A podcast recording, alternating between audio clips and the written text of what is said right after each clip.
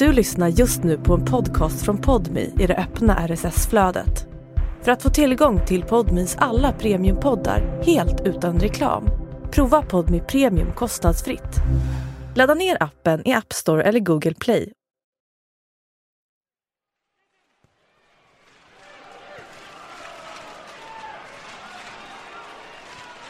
Porös varmkorv, massariner och lövbergslila. lila. Välkommen på bottenmöte i fotbollens superetta. Kviding J Södra på plastgräs i Göteborg. 412 åskådare. En sån där fotbollsmatch som borde hamna längst bak i sporten på tabell och resultatsidorna om det inte vore för en liten detalj. Målkungen Andreas Haddad ska göra comeback. Till Haddad, Haddad Med cykelspark. Vilket mål, damer och herrar. Haddad, eh, ett riktigt vapen i luftspelet. Haddad var superlöftet som pajade kroppen. Nu är han tillbaka mot alla odds. Men ingen på läktaren vet vad han har gjort det senaste året. Det enda de ser är en tight, fitt snubbe med ett medfött sinne för mål. För det första hade jag ljugit mig dit. Jag har inte gjort en, en enda fotbollsträning, jag har inte ens sparkat på en boll. Och jag sa till sportchefen där att jag har tränat i tre månader och spelat tre, fyra träningsmatcher. Jag är i toppform, sa jag. Och formen, det är inte det enda som Andreas Haddad har ljugit om. Vid sidan av fotbollsplanen har han skaffat sig en shady sidosyssla. En farlig kombo av festdroger och grova brott. Kvällen innan har han varit ute och festat. Dessutom är frugan gravid. Och han har långt gångna planer för det stora rånet. Han känner ett sting av nervositet. Tänk om polisen kommer och griper honom mitt under matchen. Samtidigt så vet han att de inte har koll. Det har ingen. Han kan i lugn och ro knyta skorna och springa ut på planen. Jag är så ingrovt i det, så inne i mitt dubbelliv att jag gillar det. Du hörde rätt. Det här är Dubbelliv. Podcasten om våra hemligheter och lögner. Jag heter Hugo Lavett, men den som berättar historien om Andreas Haddad heter Sigge Dabrowski. Södertäljebor, kära vänner, medborgare. Ni märker ju vilken enorm förändring som Södertälje har gått igenom. Våren 2005 är det stor fest i Södertälje. Statsminister Göran Persson står utanför ett friluftsmuseum i röd slips med öppna armar. Det tjoas och kimmas. Publiken viftar med svenska flaggor. Heja Sverige och heja Assyriska. Assyriska har debuterat i Allsvenskan. Och det är inte bara en lokal Södertäljehändelse. I USA, i Australien, i Tyskland, överallt finns det fans som följer Andreas Haddad och de andra i deras stordåd. Assyriska FF har tagit klivet upp i fotbollsallsvenskan. Och det assyriska folket som saknar ett land har äntligen fått ett landslag. Den stora stjärnan i laget har nummer nio på ryggen. En lång, stark anfallare med piercing i örat och pojkbandsfrisyr. Och där stod man liksom i centrum och inte riktigt förstod vad, vad är det man har gjort. Det är bara att spela fotboll liksom. Andreas Haddad. Kung på stan i Södertälje. Absolut. Alla vill hälsa, det är liksom, man går förbi de här affärerna som är på Storgatan. Och då kommer alla ut och liksom bra nästa match och liksom jag fick ta bilder med några från Australien, Österrike, Holland. Det var ju folk överallt. Det var stort. Men att Haddad skulle bli galjonsfigur för ett folk i diaspora var absolut ingen självklarhet. Han är assyrier på pappas sida och hans pappa stack. Min far lämnade ju mig när jag var strax två år.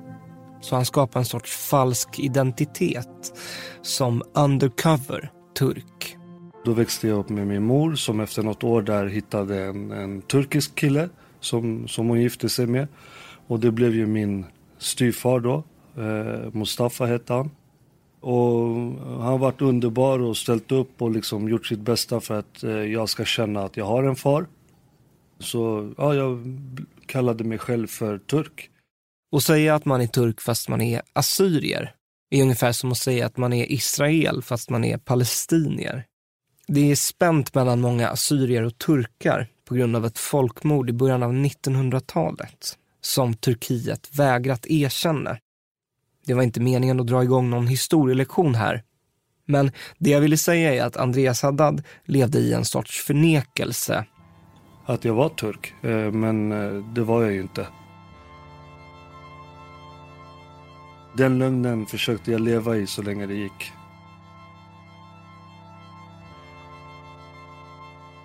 I övre tonåren fick Haddad kontakt med sin pappa igen och det var via sin farfar som han som ung lovande anfallare blev värvad till assyriska. Ja men så det var väl så jag blev introducerad till assyriska och assyriska familjen och jag fick liksom eh, en identitet som var jag men som jag inte har sett och jag bara tog för mig och jag ville helt plötsligt stolt associeras med dem och bära deras flagga och liksom säga i eh, överallt att jag är assyrier. Nu, nu är det liksom, jag är inte turk. Inga fler lögner. Inga falska identiteter. Haddad har hittat hem. Assyriska är en frisk fläkt i högsta serien. Och Andreas Haddad, han är det perfekta ansiktet utåt.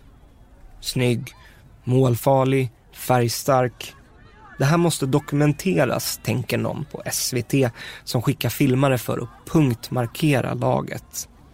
Innan serien startar, alltså inom två veckor, så vill jag ha en bil. Alltså. Ja. Så... SVTs team följer med Haddad till bilhandlaren där han stryker fingrarna längs en silverfärgad Porsche. Hur många hästar har den här? 345. Är det original? de som jag blir så wow wow för, de ligger ju på 800 000. Alltså. Ja, men det blir nästa steg, det blir nästa år. Då. Eller hur? Jo, exakt. Han har 25 i månaden, så han kan glömma det där vrålåket. Men snart kanske. För, för Haddad är allsvenskan bara ett delmål. Han vill till de stora ligorna med de feta lönecheckarna. Så snart det bara går. Det här är bara ett trappsteg. Jag ska tre, fyra trappsteg upp. Eh, jag ska spela med Zlatan i Juventus. Ur SVTs dokumentär. Vadå? Om, om man får ett, ett proffserbjudande någonstans, var, varför ska man inte gå? Liksom? Det, alla vill väl ha ett bättre arbete och man, bättre betalt, bättre förutsättningar att utvecklas eh, när man är ung, 22 år, 23, då, då vill man utvecklas hela tiden. Och man måste byta arbetsplats ibland. Haddad gör succé i allsvenskan och redan efter några matcher kommer bud från Frankrike. 5 miljoner kronor. Assyriska tackar nej. De vill ha det dubbla. Men det blev det inte och de fick nöja, nöja sig med 3 miljoner och jag gick till Norge. Där är avtalen. Ja. Jag kan skriva här. Så. Välkommen i klubben. Tack så Får skåra några mål för oss. Ja, Andreas. Hej älskling. Haddad flyttar till norska Lilleström tillsammans med sin fru. Ja, jag kommer till Lilleström, en stor klubb. Alltså wow. Eh, fantastisk träningsanläggning, bra faciliteter, eh, ett sjukteam som inte är en massör. Som, liksom, det var ett på riktigt. Det var eh, fystränare. Det var så som det ska vara. Lilleström ligger utanför Oslo. En liten järnvägsknut med 15 000 invånare. Min fru kommer från en stor familj. Man umgås hela tiden. Och jag kommer från att jag precis har fått en familj och så här känner ett umgänge och jag har kompisar och du vet man är kung på stan och liksom och sen bara lämna allt till lilla, lilla Lilleström. Det är en liten stad utanför Oslo. Jag saknade det här att bara kunna gå och ta en kaffe med mina närmsta polare. Efter varje match så åkte jag hem till Stockholm. Det tog fem timmar med bilen från Oslo hit. Eh, men vi åkte hem varje helg. Och vissa gånger fick jag ledigt, andra sjukanmälde jag mig. Och då var det liksom fest hela helgen. Café Opera var, det, var inne då. Eh, det var roligt där. Han lever i två parallella verkligheter. Vardagar är han proffs i Norge. Tränar hårt, äter rätt, slåss om en plats i startelvan. På helgerna hänger han vid drinkborden i centrala Stockholm. Jag är fotbollsspelare och jag är eh, en skön kille som festar och gillar att vara med vänner. Typ så. Men de två världarna funkar inte riktigt när man ska prestera som på topp dag in och dag ut. Det är ändå, du kommer hem, hänger på McDonalds, du vet. Är, du är inte hemma och vilar och du går inte upp och äter en frukost och är fokuserad på träningen utan du har gjort något annat hela natten. Han måste välja. Ta sig i kragen och satsa på proffskarriären. Eller flytta hem till Södertälje och vara en skön kille. Lilleström spelade Uefa-cupen och allt men jag sket i det och sa jag åker hem tillbaka till Assyriska. Han är tillbaka i Södertälje. Är uppe sent, festar hårt. Blir skadad, missköter rehab. Skadar sig igen. Men när han väl är frisk öser han in mål och det kommer en ny chans att bli proffs i Danmark. Han skriver på kontraktet trots att han har problem med en hälsena.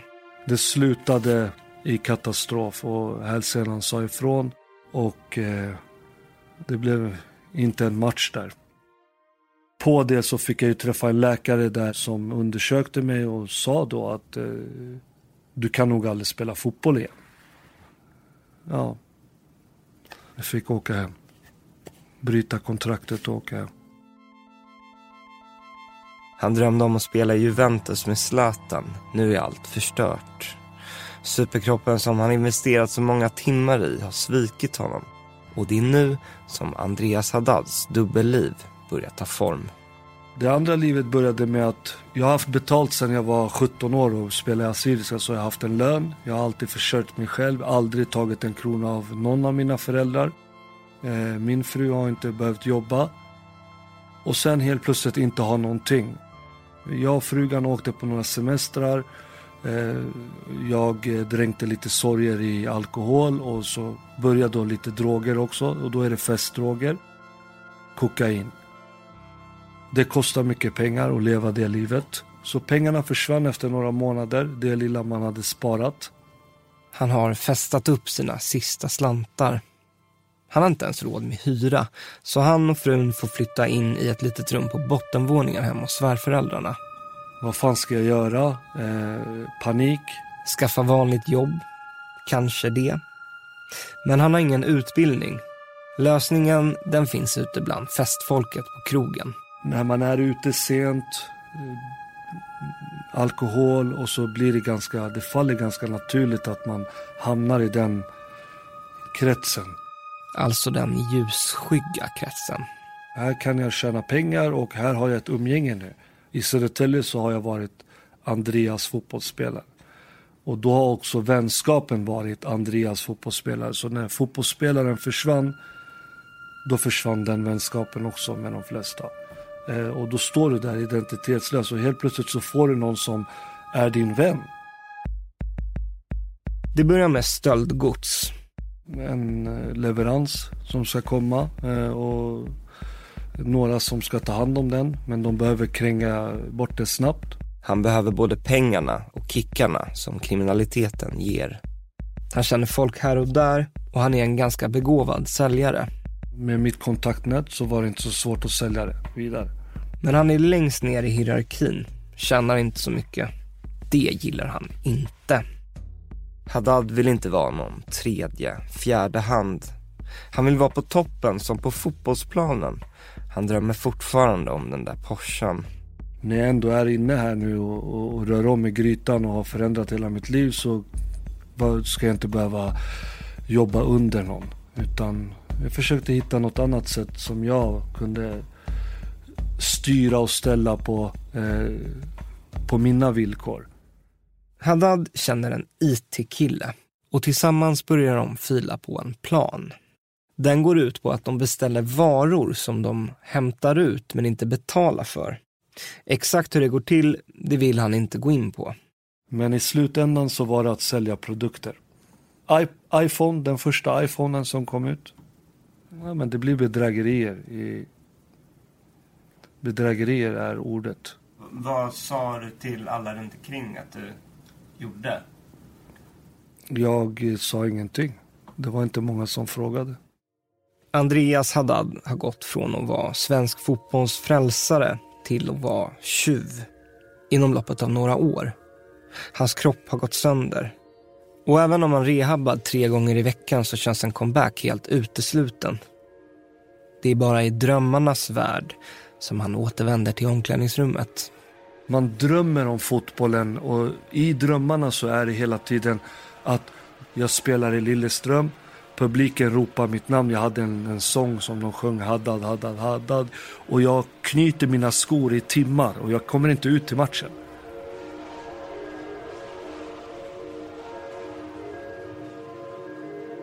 Så att säga att jag inte saknade fotbollen, det är en lögn. Men jag drog den åt sidan och försökte verkligen säga, okej okay, det där är passé, det är passé. Du måste nu hitta en annan väg. När han vaknar igen, ofta bakis, är han i det lilla rummet på nedervåningen hemma hos sina svärföräldrar. Han är inte fotbollsstjärna längre. När vänner frågar vad han gör säger han att han rehabbar och hoppas på en snar comeback. Ja, rehab. Ja, jag kör rehab. Haddad har börjat göra sig ett namn som kriminell. Jag kommer, jag kommer ihåg bilder hur jag åkte rulltrappa och första gången när jag såg han, det var ju så här, jag fick lite rysningar. Det var så här, wow, nu är det på riktigt. Han blir inbjuden till ett möte på ett fik i Skärholmens centrum, söder om Stockholm. Bossen, som vi kallar honom, är med i ett kriminellt nätverk och han vill inleda ett samarbete. Det här, det här är en boss. Man, man ser på sättet de går, hur de utstrålar. Du vet. En bredvid som, som en jävla bodyguard. Eller så det, jag kände rysningar redan då. Och nästan då kände jag också shit, vad fan håller jag på med?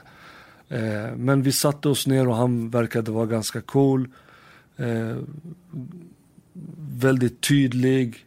Man märkte att han hade varit med länge. Haddad är sugen men vill inte gå med i nätverket. Eh, man kan tro att eh, man har bara roligt och det är vänner och så. Men när du, in, när du har gått in där och accepterat att du är en medlem, då kommer du inte ut därifrån.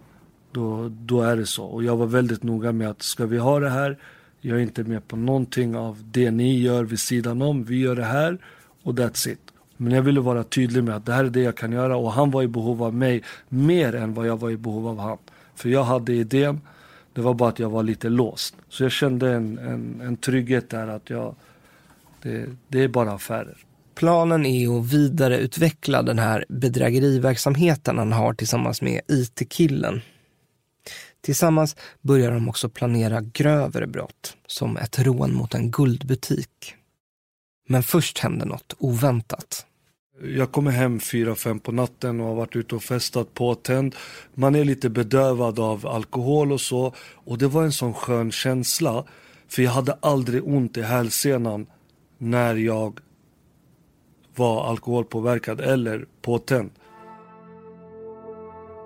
Är det borta?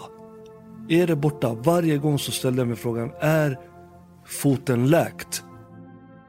Så jag går ut och joggar där på morgonen full, påtänd och, alltså, och jag har inte ont. Jag har inte ont. Det var världens bästa känsla. Kommer hem, jag sover inte någonting för jag vill bara vänta på när allt lämnar kroppen hur ont jag kommer ha. Och då, där någonstans, så kom inte smärtan. Och då ringde jag Mattias. Alltså Andreas, inte för att det är min vän, hans egenskaper var ju toppklass i Allsvenskan om han var skadefri. Det är en god gubbe, det är en skön karaktär. Haddads första val var förstås assyriska. Men där var han inte ens välkommen på träning. Istället ringer han sin kompis Mattias som spelar i superettan-laget Kviding. De lärde känna varandra i assyriska Vi umgicks dagligen i Södertälje. Haddad undrar om Kviding har en ledig plats i truppen. Kompisen Mattias lovar att ringa sportchefen och kolla läget. Ni måste ta in honom liksom. Är han någorlunda okej? Okay? Han levererar. Ni har ingen bättre. Han kanske inte kostar så mycket, han vill bara komma tillbaka och spela. Det är en klassforward och de visste vem det var. Sen gick det väldigt snabbt. Eh, jag behövde nog inte säga så mycket. Han hade ju sitt CV. De har sett honom spela. Eh, så efter det så här, jag behövde inte ens tjata liksom. Så det gick väldigt snabbt där. För det första hade jag ljugit mig dit. Jag sa ju både till Mattias och jag sa till sportchefen där att jag har tränat i tre månader och spelat tre, fyra träningsmatcher. Och, och jag är i toppform. Sa jag. Jag har inte gjort en, en enda fotbollsträning. Jag har inte ens sparkat på en boll. Han har också glömt att nämna det här med kriminaliteten. Om man åker dit kommer klubben sakna en forward och dessutom få väldigt dålig press på köpet. Jag var inte rädd för att bli gripen utan mer att det ska bli det blir liksom synligt. Polisen kanske kommer någon gång och plockar mig på träning så är jag med i Aftonbladet och allting. Alls, eh, fotbollsspelare, ex-allsvensk spelare bortförd av polis. Det var lite det jag var nojig för. Han är tillbaka på fotbollsplanen. Dessutom väntar han och hans fru barn. Haddad ska bli farsa. Men han kan samtidigt inte släppa kriminaliteten. Han tränar hårdare än någonsin och njuter av att vara tillbaka men tar samtidigt varje chans han får att festa och ta droger. Han är en man med två ansikten. Och han njuter av det. När jag flyttar till Göteborg, vi får en lägenhet där och vi ska börja vårt nya liv så är jag så inne i mitt dubbelliv. Jag är så ingrovt i det att jag gillar det. Eh, och fotbollen känns som någonting jag gillar också men det är inte där jag får mina pengar ifrån. Samtidigt som han spelar i Superettan med Kviding smider han planer med bossen som han träffade i Skärholmens centrum. Det handlar om ett rån mot en guldbutik någonstans i Västsverige. Så fort säsongen är över ska de slå till.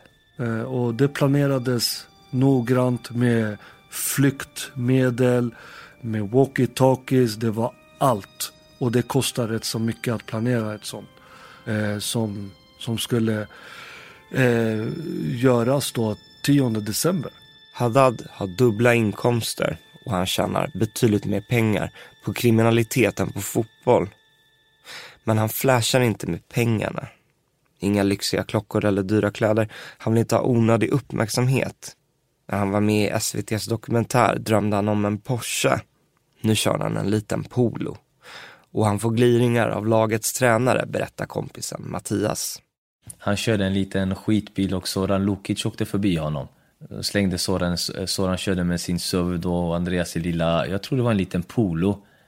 Så det var det så här, Andreas vad händer? Alltså ni från Södertälje, kör ni runt i sådana bilar liksom? Mattias känner inte riktigt igen sin kompis. Han tycker att Haddad har förändrats. Han fastnar i sig själv, sitter med mobilen. Det är något som inte stämmer. Alltså mer lågmäld, vad ska jag hur ska man förklara? Typ att ja, det blir lite mer, lite mer gamnacke eller vad, hur ska man förklara det? Det kommer inga poliser och griper Haddad på träningen. Men rent sportsligt är tiden i Kviding ett fiasko. Laget åker ur superettan vad ska Haddad göra nu? Nu har vi en fru också som är gravid. Det får, måste vi ta med i bilden. Det är ju så avgörande att jag har en fru som är gravid så jag ska få mitt första barn. Och jag hade ingenting. Jag, Kviding spelar division 1 nästa år och jag har varit sämst. Haddad behöver pengar, mer pengar, snabbt. Tillsammans med bossen ska han slå till mot en guldbutik. Han googlar rån och ringer advokater för att kolla vad det är som står på spel här tre till fyra år, ja men okej, okay, men fyra, fem mille, ja, kanske värt då. Rånet ska äga rum den 10 december 2009. Hans fru är planerad att föda på julafton. Natten till den 10 december, samma dag som rånet ska äga rum, går vattnet. Och då, då får jag ju panik. Vad är det som händer? Du kan inte föda nu. Han kutar bort till sin kompis Mattias för att låna bilen sprang över i alla fall. Han bodde några blocks away. Det var mitt i natten, jag låg och sov, öppnade fönstret, bara kastade ner. Lycka till, hör av dig. Ah! Han bara sprang liksom. Det, hon hade ju verkar. Fort in till sjukhuset i Mölndal. Samtidigt som hans fru ligger och krystar börjar mobiltelefonen pipa. Den piper igen och igen och igen. Det är bara några timmar kvar till rånet nu. Jag mådde riktigt dåligt. Eh, men någonstans så kände jag, men om hon föder snabbt så kanske jag springer iväg. Och det var så tankar, det var så här, eh, jag var liksom i, i, olika världar. Jag, var, jag ska vara där och stötta en fru och det är hot och det är, du hör ju hur rörigt allting är. Jag tog lustgas, den här som frugan får andas och jag tog för mycket. Så sjuksköterskan tog ut mig på balkongen, jag skulle typ svimma. Förlossningen går snabbt. Och medan hans fru ses om får Haddad för första gången hålla i sin son. Jag kommer ihåg att han håller mitt finger, pekfinger, så här jättehårt som bebisar gör. Och där och då så känner jag att eh, den här ungen ska inte få leva utan farsa som jag har fått göra. Jag tar ett jobb imorgon på McDonalds om det krävs. Och så jobbar jag och sliter som alla andra. För den här pojken, han ska få en bra framtid. Så jag skickade ett sms och sa, det blir ingenting. Eftersom jag visste att de var i trakten så tänkte jag att de kommer inte till sjukhuset. Alltså då, den respekten måste de ha. Men att komma till sjukhuset, det är precis vad bossen och de andra gör. Nu ser det mörkt ut för mig. Han går bort till hissen för att möta dem. Hans fru ligger kvar i rummet med deras son. Hon vet ingenting om hans mörka hemlighet. Han lämnar sin nyfödda bebis för att möta konsekvenserna av sitt dubbelliv. I hissen så känner jag bara att det här kommer inte sluta bra. Men jag har gett mig in i den här skiten och jag vet att jag har nu avblåst en kupp som har kostat pengar, tid och allt för dem. Eh, och då tänkte jag att det kommer inte de acceptera. Det får bli som det blir. Jag tar en kula i benet eller vad fan det är de ska göra. På parkeringen utanför sjukhuset står en mörk bil parkerad. Det var på morgonen, det var mörkt. Tonade rutor 100% för jag kunde inte se vem som satt där bak. Bossen kliver ur bilen och börjar gå mot honom. Arg. Arg, men ändå på ett så här läskigt sätt. Arg, lugn, på ett läskigt sätt. Men ändå cool på något sätt. Typ så här som att... Du är körd. Först kramade han mig. Nu är det kört. Kramar man en så, så är det kört. Då ska han ta mitt liv här bakom huset. Så vi promenerar och då vet jag bara att tar han fram puffran, siktar han mot knät, tar det som en man och haltar därifrån. Siktar han någon annanstans, gör vad fan du vill för att ta hans liv. Eh, när vi gick runt huset så sa han ju det. Jag är glad för din skull. Jag är glad att du har blivit pappa. Jag är själv pappa och jag får inte träffa mina barn. Så gå upp du och så hörs vi sen. Och det var that's it. Och jag kände bara... Oh.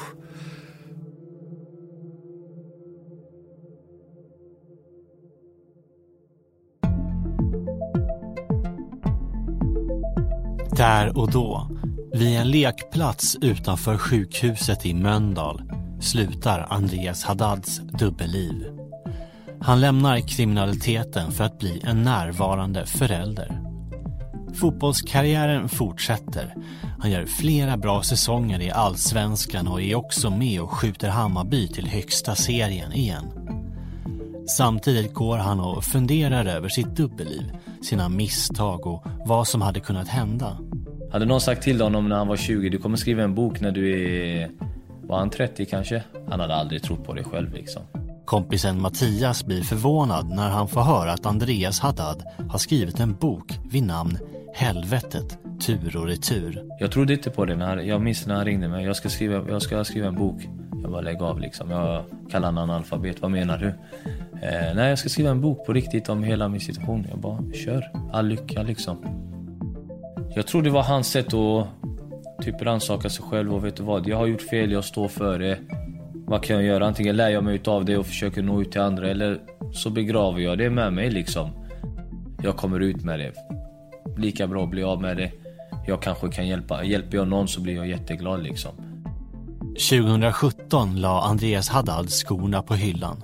Idag jobbar han med att hjälpa ungdomar i Södertälje som har det tufft av olika anledningar att komma ut på arbetsmarknaden. Jag har gräsklippning hela dagen imorgon. Eh, Tony? Jag är tillbaka från sjukdom så jag har inte så jävla bra koll och jag får inte köra. Du skulle väl vara med lite med mig kanske va?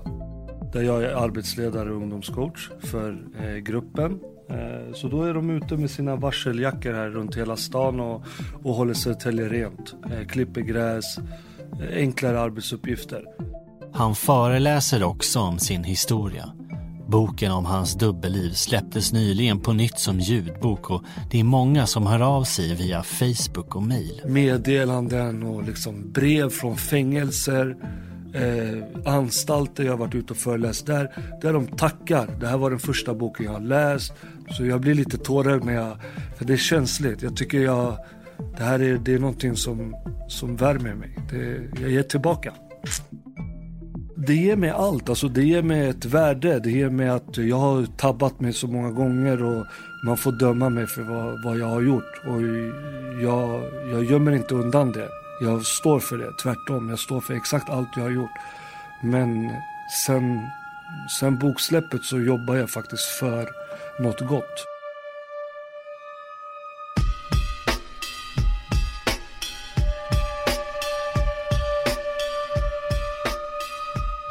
Du har lyssnat på Dubbelliv, en exklusiv podmi-produktion av Banda. Reporter Sigge Dabrowski, producent är jag, Hugo Lavett. Exekutiv producent hos Podmi är Joni Söderström Winter. Musik av Reese Edwards. Mix av Elin Rosenberg. Har du en dubbellivshistoria att dela med dig av? Skriv till mig på hugo bandaproduktion.se. I det här avsnittet hörs också ljud från SVT-dokumentären Landslag utan land och klipp från TV4 Sport.